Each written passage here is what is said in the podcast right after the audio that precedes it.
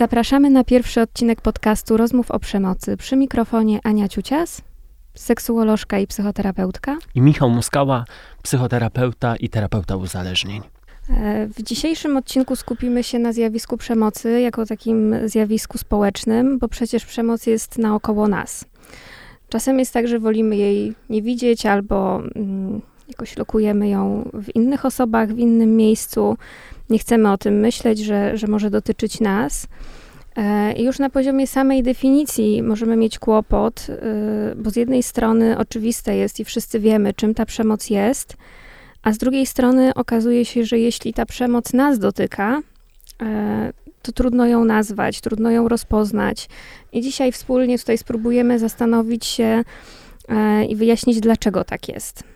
No, będziemy się przyglądać y, samej przemocy.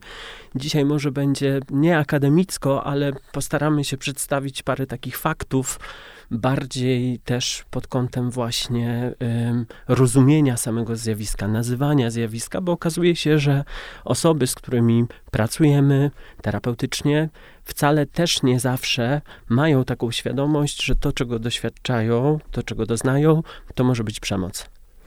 Mm, no właśnie, jakbyśmy tak y, zaczęli od podstaw. Michał, jak ty zdefiniowałbyś po swojemu y, tę przemoc, zjawisko przemocy?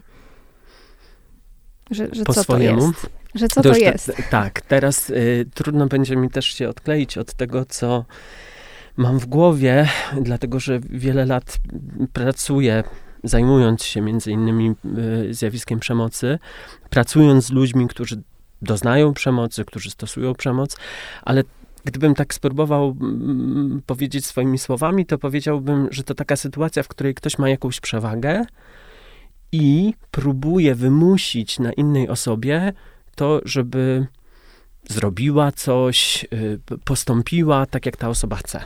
Chyba to byłby mój punkt wyjścia. A ty jak o tym myślisz? Mhm. Ja myślę podobnie i to, co mi jakoś wybrzmiewa y, w tym, co, o czym ty mówisz, to właśnie ten nacisk, y, wywieranie jakiegoś wpływu, czyli coś y, takiego, co przesuwa, wpływa na nasze granice, sprawia, że nam przestaje jakaś sytuacja pasować. Mhm. No, ten aspekt właśnie związany z jakimś cierpieniem, mm, przekraczania granic jest super istotny w kontekście przemocy to jest głównie to, co się dzieje, gdy ktoś mm, no, orientuje się, że coś jest nie tak. To znaczy, że jakaś inna osoba wpływa na, na granice, właśnie tak jak mówisz, przesuwa je, próbuje, próbuje je przesunąć, wywierać nacisk. Mm, no właśnie, i to, to jest dosyć trudne, bo mm, czasem, często y, właśnie dzieje się tak, że trudno to zauważyć, bo, bo nam samym czasami nie jest łatwo zdefiniować, gdzie te granice są i e, uchwycić taki moment, kiedy e, ktoś, czy my sami nawet godzimy się na przesuwanie tych granic. Mhm. Tak myślę, myślę o tym, że to takie bardzo że to takie demokratyczne zjawisko, ta przemoc, o której my rozmawiamy. To znaczy, że ona nie ma ani płci, ani nie ma wykształcenia, ani nie ma jakiegoś statusu mm, ekonomicznego. To znaczy, że osoby biedne mogą stosować przemoc, osoby bogate, wykształcone, niewykształcone, mm, kobiety, mężczyźni, że rzeczywiście tak jak, tak jak myślę o tym, co się, co się dzieje, to, że jest demokracja. W tym zjawisku jest mega demokracja. Super, że o tym mówisz, bo ja bardzo y, lubię używać tego sformułowania, że przemoc jest demokratyczna i y, lubię to podkreślać zawsze i w każdym momencie, y, bo y, czasami idąc y, za stereotypami, gubimy to, że e, że tak samo kobiety, jak i mężczyźni, nie wiem, dzieci, osoby niebinarne mogą tej przemocy y, doznawać. E, no ale właśnie, też możemy być w różnych rolach e, w tym uwikłaniu w przemoc, że możemy być osobą, która stosuje przemoc, która e, doznaje przemocy, można być świadkiem przemocy i nawet jeśli jesteśmy w jednej z tych ról, nie oznacza, że nie możemy być w drugiej. Czasem tak się zdarza, że osoba, która stosuje przemoc, może też być biorcą przemocy. Więc e, to też jest takie e, nieoczywiste, że, że może być bardzo płynne i, i w różnych momentach mm, różnych zachowań, przesunięć tych granic możemy doświadczać. Mhm. Też w kontekście tego, że w, przemoc występuje w, w, relacjach. To jest zjawisko, które jest jakoś relacyjne.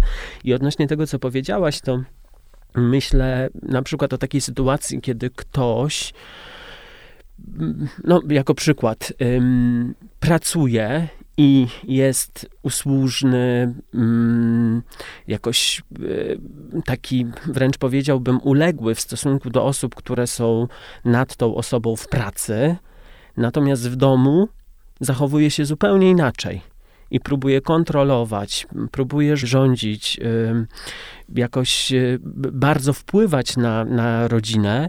I tak jak też powiedziałaś o tym, że mm, przemoc jest demokratyczna i dotyczy wszystkich, to jednocześnie myślę, że są grupy osób, które być może są szczególnie narażone na to, żeby doznawać przemocy. Tak jak y, osoby, które mm, albo są małe, młode, albo na przykład osoby starsze, które potrzebują pomocy innych osób do tego, żeby nawet no, jakieś podstawowe swoje potrzeby fizjologiczne czy, czy, czy inne załatwiać. Mhm. Tak, tu pojawia się taki wątek y, zależności. E, I rzeczywiście szczególnie y, młodzi, dorośli dzieci, nastolatkowie są narażeni na tego typu nadużycia, ale też osoby starsze.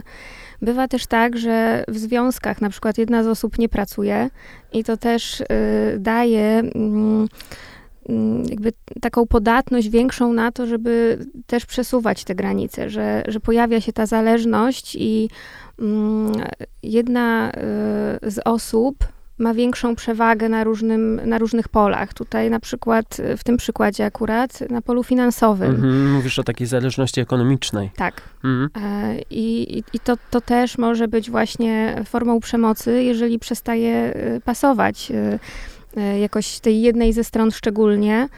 Mm, I, i, powoduje krzywdę. Mhm. Ale żebyśmy jeszcze trochę zebrali kwestię tego definiowania zjawiska, gdybyśmy się mm, jeszcze skupili na, na takim e, zdefiniowaniu książkowym, żeby e, nasi słuchacze mieli pewność, e, czym ta przemoc jest jako zjawisko takie formalne, bo my możemy mieć różne definicje tej przemocy, ale jednak muszą być spełnione pewne czynniki takie formalne, żeby mówić o tym, że do tej przemocy dochodzi. Mhm. Zwłaszcza to może być e, istotne dla służb, które muszą rozpoznać, czy ktoś doznaje przemocy, czy to, co się dzieje, to jest na przykład forma konfliktu. Mhm. E, I myślę, że, że tutaj warto też wprowadzić taki podział, no właśnie, na konflikt i przemoc. To nam za chwilę też wyjdzie w, w tej rozmowie, w tej definicji. Tu już złapaliśmy trochę z tej definicji. To znaczy, złapaliśmy, y, zdefiniowaliśmy to, y, że następuje y, cierpienie. Że mhm. ktoś doznaje subiektywnych albo obiektywnych szkód cierpienia, czyli to byłby taki ważny czynnik, który powoduje, że no właśnie, rozmawiamy o przemocy. Tak, i tu szczególnie ważne jest, żeby podkreślić, że y, te szkody, one mogą być zarówno psychiczne, jak i fizyczne. Aha.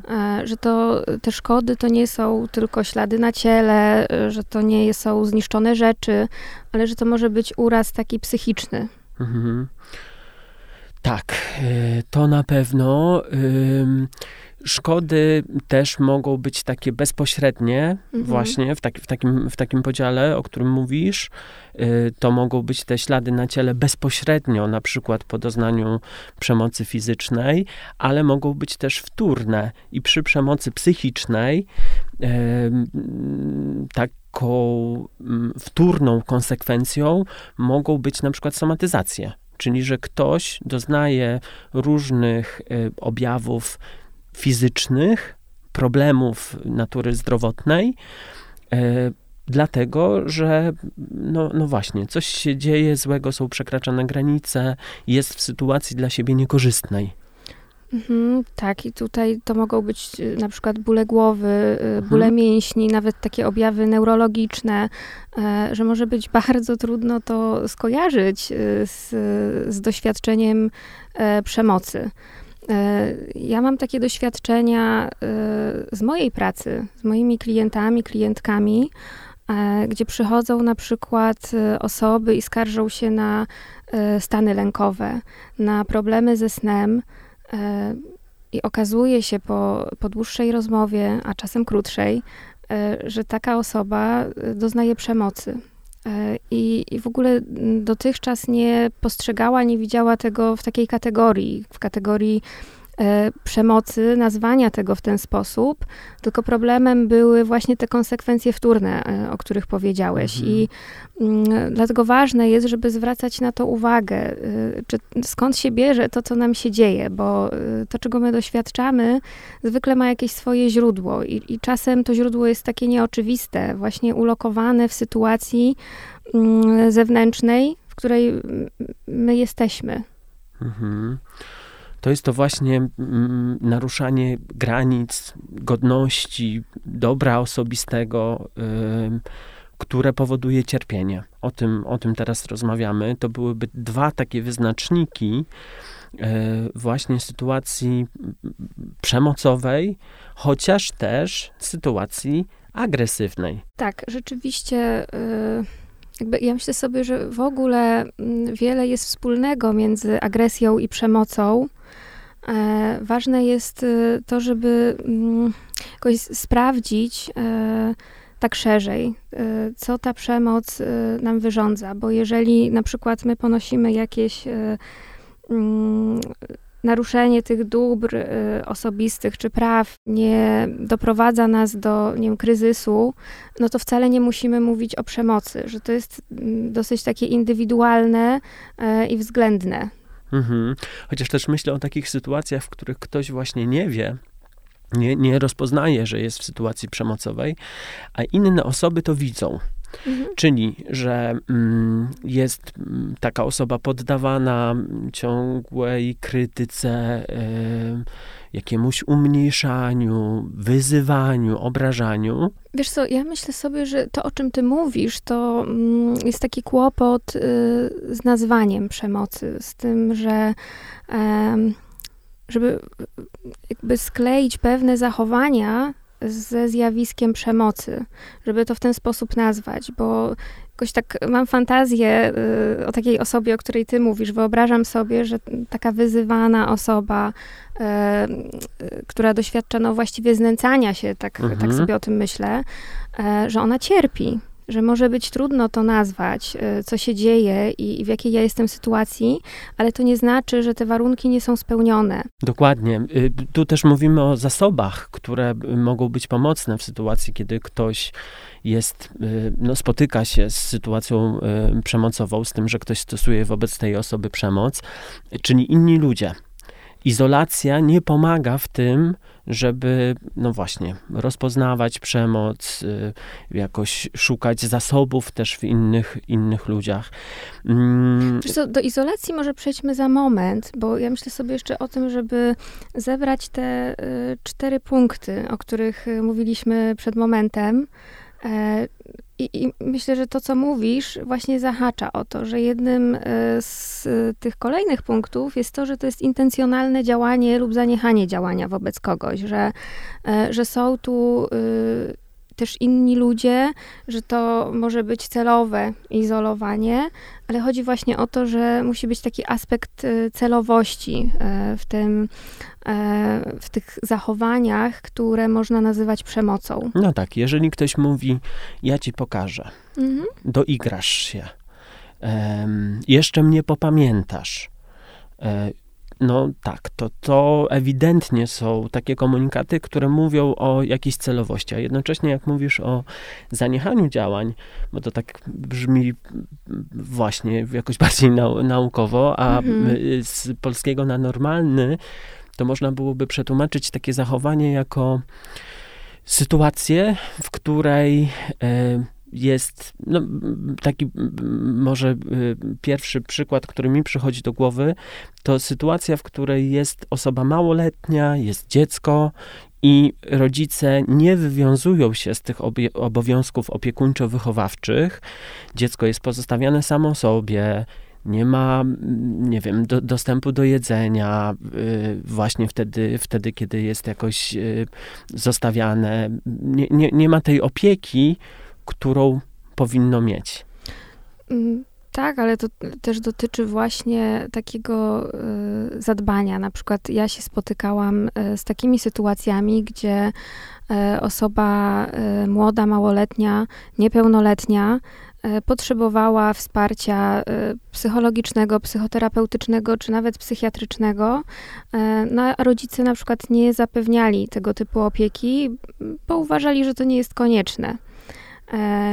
No a zdecydowanie było konieczne i osoba młoda to zgłaszała, a jednak tego nie otrzymywała. I to też jest forma zaniedbania, zaniechania tych działań, czyli nie mm, zapewnianie odpowiednich zasobów, środków do tego, żeby móc mm, w takim, na takim podstawowym poziomie optymalnie funkcjonować.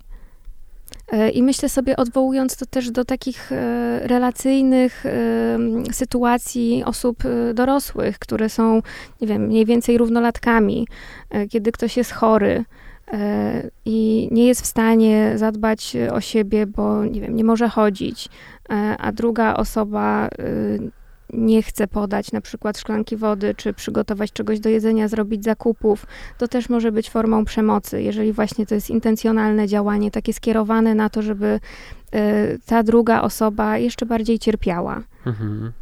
To na pewno, chociaż też myślę y, o tym, że bardzo często intencje osoby, która stosuje przemoc, są dobre. To znaczy, y, jakby ta osoba mówi o tym, że chce dobrze, Mhm. Ja chcę y, dobrze dla mojego dziecka, dlatego biję. A to nie jest, to nie jest dobre rozumienie tego, o czym, o czym y, rozmawiamy. To jest o przemocy. Bicie jest mhm. przemocą. No, tutaj przewija się taki aspekt społeczno-kulturowy.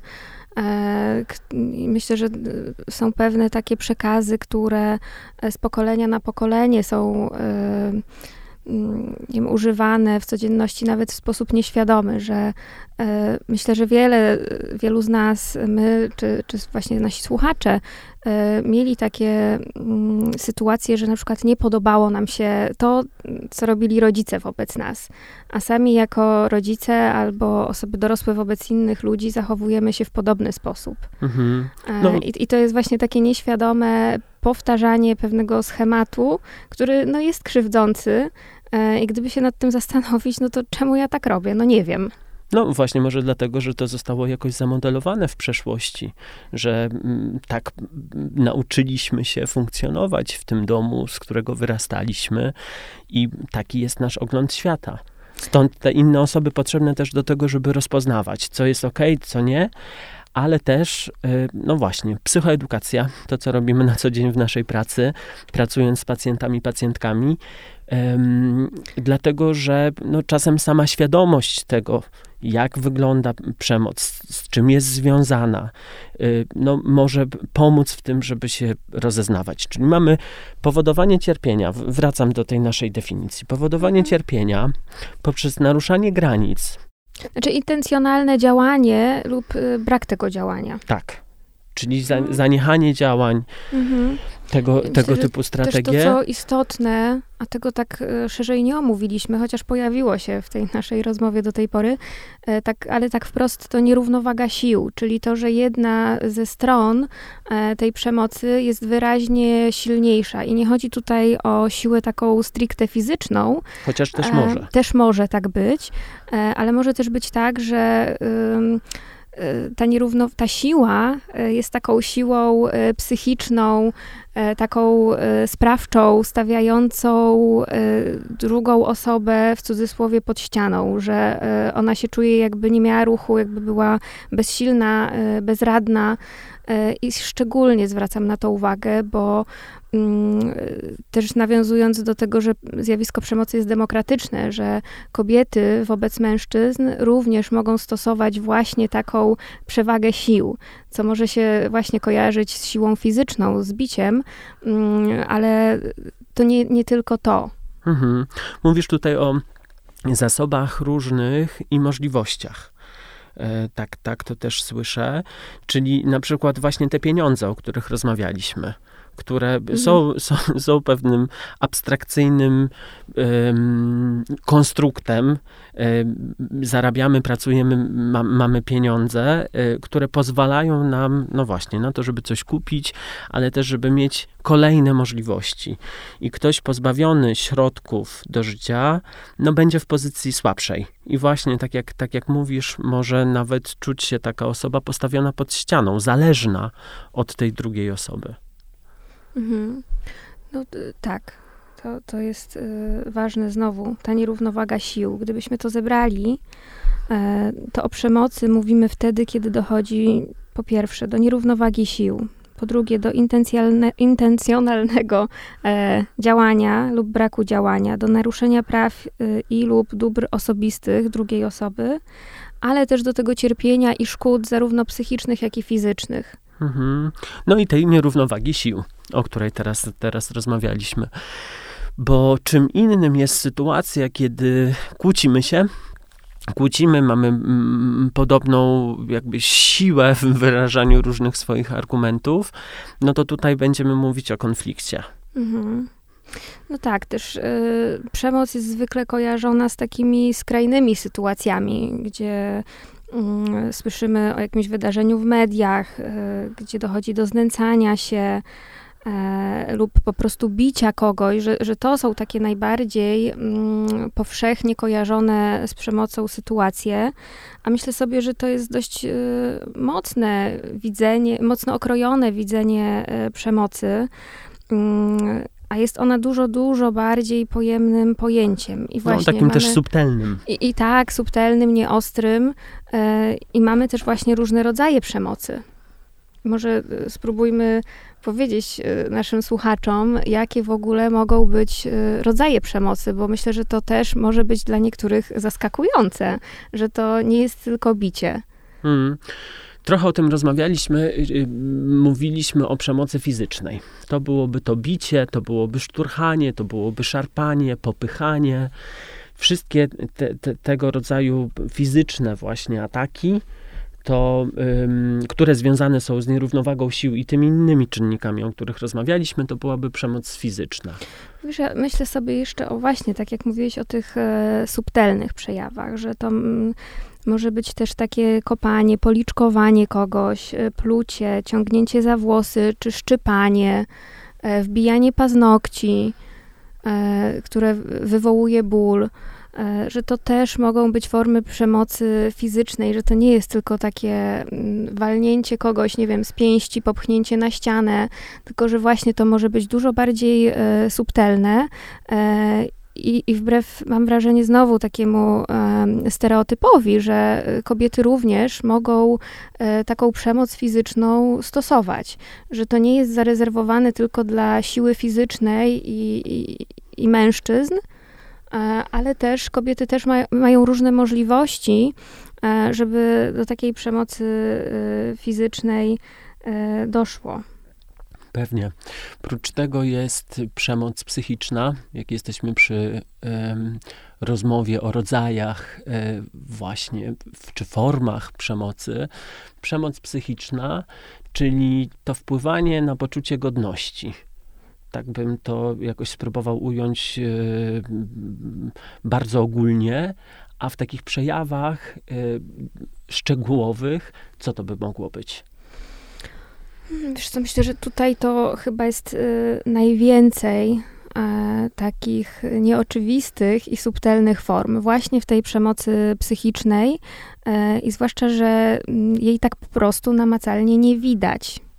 Ona może się objawiać e, ostatecznie właśnie w tej psychosomatyce, o której mówiliśmy, w kryzysie, e, w różnych stanach lękowych, wręcz e, chorobach różnego rodzaju, ale mm, tak wprost ona może być niewidoczna to, y, to, co jest przemocą y, psychiczną, to kontrolowanie, y, obrażanie, wyzywanie. Jak myślę sobie o związkach, o relacjach, na przykład taka sytuacja, że sprawdzamy drugiej osobie telefon, przeszukujemy, nie wiem, komputer, kieszenie, portfel, żądamy dostępu do, do mm, profili społecznościowych, żeby móc czytać czyjeś prywatne wiadomości. E, ale właśnie też to izolowanie od znajomych, od rodziny, e, od innych bliskich osób, żeby zyskać taki monopol e, i wyłączność na tę drugą osobę. Mhm. No, często właśnie w kontekście powodowania jeszcze większej kontroli, czy chęci mhm. posiadania jeszcze większej kontroli. To, o czym rozmawiamy, to jest, to są różne strategie, y, które stosuje osoba stosująca przemoc na to, żeby pozbawić mocy tą drugą osobę, tą drugą mhm. stronę.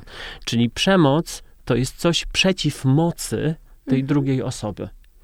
Tak, i, i, i to, co jeszcze właśnie tutaj e, może być takim przejawem przemocy psychicznej, to właśnie grożenie, straszenie, e, grożenie rozstaniem, grożenie samobójstwem, grożenie tym, że sobie coś zrobię, że nie wiem, oczernię cię e, wśród znajomych, wśród rodziny, w oczach innych osób. E, I, I, właśnie to jest to odbieranie mocy, że, że ta druga osoba czuje się na tyle e, zachwiana w swoich fundamentach, że e, na przykład może uczyć się być w takiej sytuacji i się na nią godzić, po to, żeby nie ponosić tych konsekwencji, które zapowiada osoba stosująca przemoc. Mhm. To, o czym mówisz, y, to też jest y, rodzaj pułapki, uwikłania w sytuację y, przemocową, bo jeżeli osobie, która doznaje przemocy, wydaje się, że podporządkowując się, robiąc różne rzeczy, żeby ta druga osoba no, jakoś zmiękła, może przestała wymagać, żądać, rozporządzać czasem i, i, i kontrolą, to jeżeli, jeżeli właśnie osoba, która doznaje przemocy, y, wchodzi w takie rozumienie, że musi sama się zmienić, żeby tą drugą osobę ułagodzić, to jest pułapka. Mm, tak, zdecydowanie i myślę sobie, y, tak myśląc jednocześnie o moich doświadczeniach gabinetowych, że to jest y, bardzo powszechne.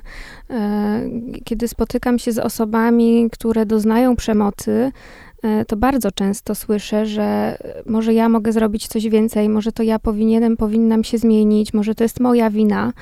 E, podczas gdy e, no, trzeba to jasno powiedzieć, nigdy nie ma takiej sytuacji, kiedy e, przemoc, e, doznawanie przemocy byłoby winą osoby, która e, jej doznaje. Tak. zawsze odpowiedzialność jest po stronie osoby, która tej przemocy się dopuszcza. No, to jest zachowanie i my mamy wybór.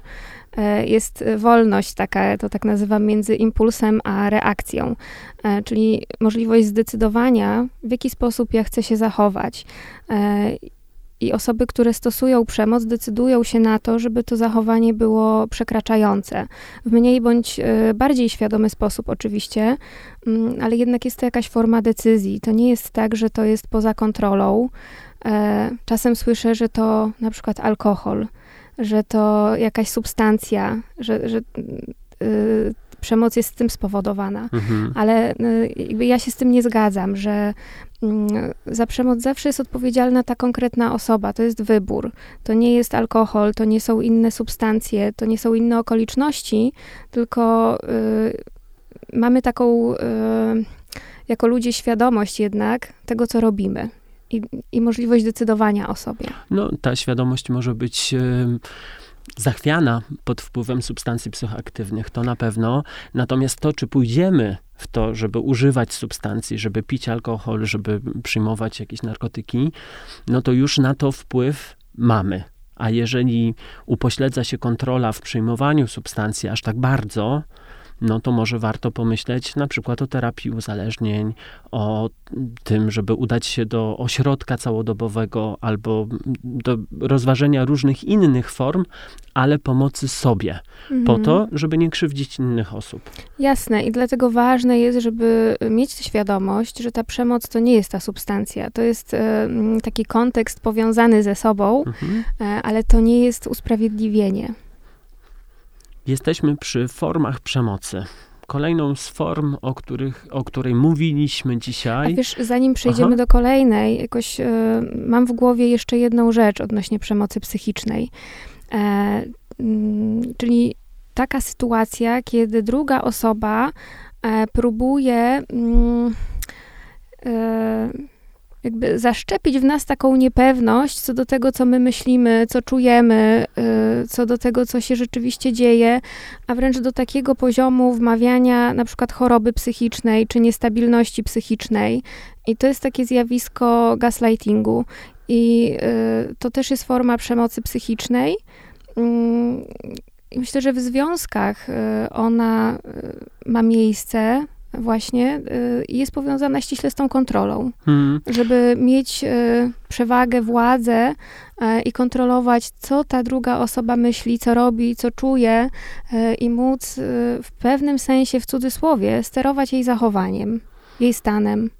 No tak, to można byłoby też nazwać trochę inaczej praniem mózgu. Tak. To jest chyba taka, taka, y, tak, takie sformułowanie, jakoś przynajmniej ja kojarzę, które funkcjonuje od wielu, wielu lat w Polsce, w takim zupełnie potocznym y, języku, że masz wyprany mózg, ktoś na przykład mówi albo że, że ktoś mi pierze mózg. Czyli to jest sytuacja, w której ta osoba może się zastanawiać, kurczę, ze mną naprawdę wszystko jest w porządku. Tyle razy słyszę, że mm, powinnam iść do lekarza, powinienem iść do lekarza, powinienem się leczyć, że może na, naprawdę powinienem to rozważyć, że już, no właśnie, tyle razy jest się poddawanym takie, takiemu komunikatowi, że nagle to zaszczepia jakieś poczucie niepewności. No właśnie, i znowu tutaj e, sprowadza się to do tego, że ostatecznie, myślę, y, można by było wyłapać te cztery punkty, że to jest nierównowaga, że tam jest jakieś y, ograniczenie, cierpienie y, i mm, no, intencjonalne działanie w jakimś celu. Kolejnym takim dużym kawałkiem, który o którym ja lubię mówić i e, też e, psychoedukować, to jest przemoc seksualna. Mhm. I w moim poczuciu ona e, też z jednej strony jest mocno stabilizowana, e, z drugiej strony mało się o niej mówi, bo jest powiązana z seksualnością. A o seksualności. A o seksualności, o seksie, e, o fizjologii w ogóle mówi się bardzo mało. A myślę, że to jest super ważny temat i taki, który mógłby nas, gdybyśmy mówili o tym więcej, uchronić przed zranieniami, skrzywdzeniami. Punktem wyjścia mogłaby być y, świadoma zgoda.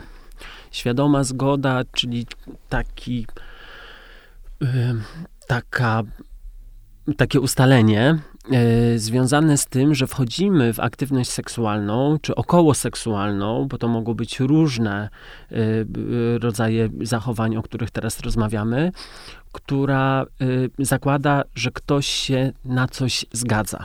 I taką zgodę nie daje raz na, nie wiem, wieczór, ani na godzinę. Tutaj nie ma jakiejś cezury mhm. czasowej. Mówimy o takiej sytuacji, że ktoś podejmuje około seksualną aktywność, czy seksualną aktywność, świadomie i chcąc w niej być. Mhm. No tak, czyli y, tak to ujmując od strony przemocy, to przemocą seksualną byłaby taka sytuacja, kiedy dochodzi do jakiejkolwiek formy niechcianego y, dotyku czy kontaktu y, fizycznego lub z osobą, która nie jest w stanie takiej zgody wyrazić, nie jest świadoma, czyli na przykład jest pod wpływem y, substancji psychoaktywnych, alkohol, narkotyki, y, pigułka gwałtu y, lub na przykład podczas snu e, podczas utraty przytomności, że, że to byłaby forma przemocy seksualnej, taki kontekst tego, że to jest coś, czego my nie chcemy, to, że nie mówimy, że chcemy, nie oznacza, że chcemy.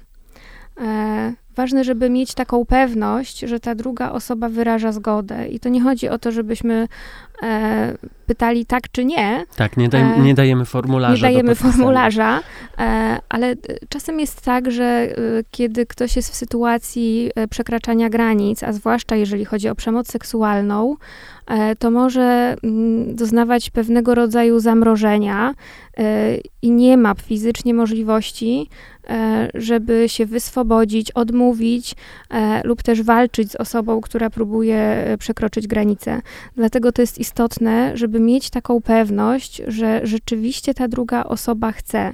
To ja zapytam, czy y, co byłoby najprostsze w takiej sytuacji, żeby, no właśnie, przekonać się, że ta osoba ma ochotę? Bo myślę, że można zapytać.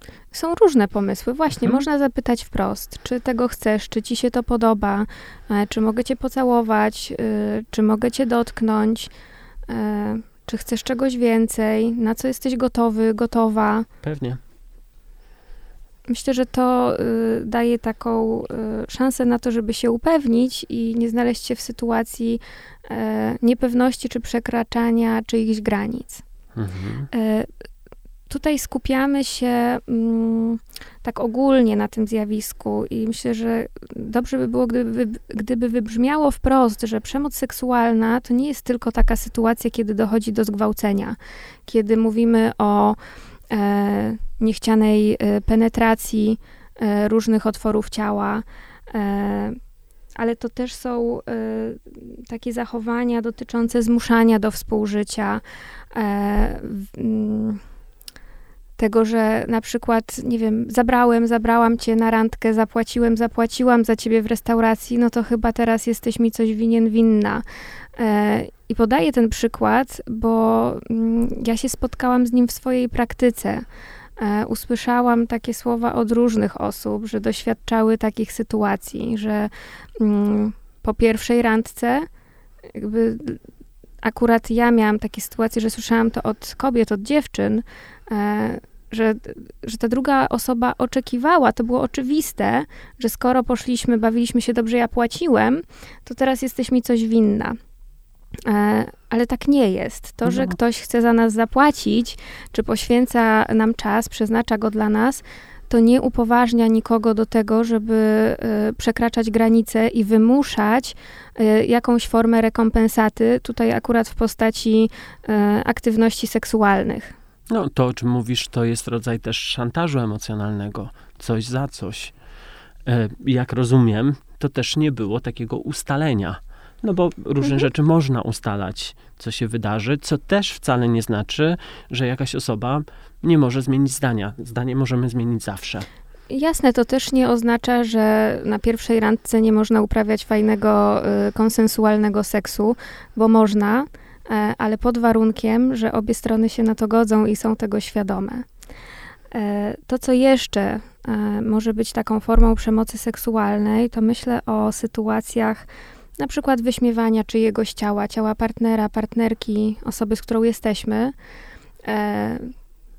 jakiegoś komentowania ruchów ciała podczas aktywności seksualnych, podczas zbliżenia, jakichś e, anomalii cielesnych, defektów e, w taki przykry sposób dla drugiej e, osoby.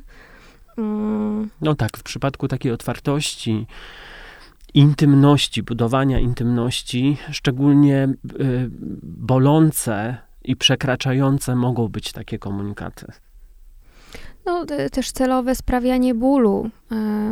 Czasem jest tak, że mm, to, co się dzieje przy kontakcie e, seksualnym, przy zbliżeniu, że zaczyna przyjmować taką dynamikę, która przestaje drugiej osobie pasować, że zaczyna być e, po prostu przemocowa, że mm, nie wiem, seks boli, e, a osoba nie przestaje, mimo tego, że ktoś zgłasza, że, że ja już w ten sposób nie chcę, nie podoba mi się, boli mnie to, to nie jest okej, okay, żeby iść w to dalej i nie uwzględnić tego, że ta druga osoba nie chce. Tak, tutaj mówimy już właśnie o tym, że te, ta świadoma zgoda na tą aktywność jest wycofywana. I to jest wycofywana nawet zupełnie wprost. prostym komunikatem, że ja nie chcę, boli, mhm. nie, nie chcę więcej. No, też y, to, co dla niektórych może być nieoczywistą formą przemocy, to kwestia na przykład antykoncepcji. E, że osoba mówi, że się zabezpiecza, a się nie zabezpiecza, lub y, właśnie zupełnie odwrotnie. E, albo jest para, która stara się o dziecko, a jedna z osób się zabezpiecza i zataja to przed drugą osobą. To też może być formą przemocy. I myślę sobie jeszcze E, to też z moich takich doświadczeń gabinetowych, o sytuacji, o takim przekonaniu właściwie, które może przyświecać, że skoro jestem w związku, skoro jestem w małżeństwie, to moim obowiązkiem jest zaspokajać seksualnie e, tę drugą osobę, jej potrzeby, nawet w sytuacji, kiedy ja nie mam na to ochoty, kiedy ja nie chcę. E, I, i to też jest taka forma nadużycia seksualnego. Znowu te powinności, znowu różnego rodzaju oczekiwania, coś, co bardzo potrafi wikłać. Hmm. Kolejnym rodzajem czy formą przemocy jest przemoc e, ekonomiczna. Trochę rozmawialiśmy dzisiaj o e, właśnie przemocy ekonomicznej, czyli takiej sytuacji, kiedy ktoś uzależnia drugą osobę właśnie od zasobów finansowych. Czyli w momencie, kiedy y, jest się taką osobą uzależnioną, może być trudno, uzależnioną finansowo od innych, może być trudno szukać y, zasobów czy wsparcia, no bo wydaje się, że cały świat, no, ży, żyjemy w gospodarce konsumpcyjnej, potrzebujemy pieniędzy do zaspokojenia naszych podstawowych potrzeb, mhm. może być o to trudno. Tak, to, to racja. Myślę też o takich e, sytuacjach, kiedy mm, jedna z osób e, wykrada pieniądze drugiej osobie mhm. e, z portfela, z konta, kiedy jedna ze stron niszczy rzeczy drugiej osoby. I to nie chodzi tylko o takie rzeczy wartościowe, ale nawet takie, które mają wartość sentymentalną, mm, czy kradzieże. E, nie tylko pieniędzy, ale nie wiem, na przykład rzeczy po to, żeby je sprzedać, czy używanie tych rzeczy bez zgody e, drugiej osoby, e, to też może mieć charakter przemocy ekonomicznej.